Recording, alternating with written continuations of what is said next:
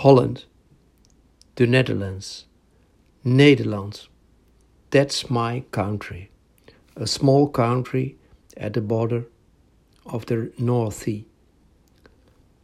A country without any mountains, a flat land. I wrote a, a poem about it. You can hear it now.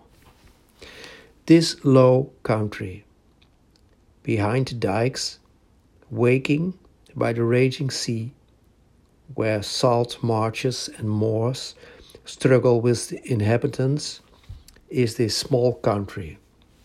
It competes tough with the North Sea to the highest honor. Sandhills are called mountains here against better judgment. In the wide country, I see the church towers, beacons in the flat fields, pucely pointing upwards God knows where. Willows are waiting for the cows and beckon to the ditches in the grassland.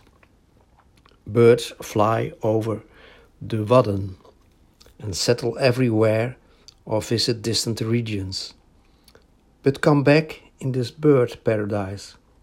Rivers, wide and long, meander through the deltas and lay down.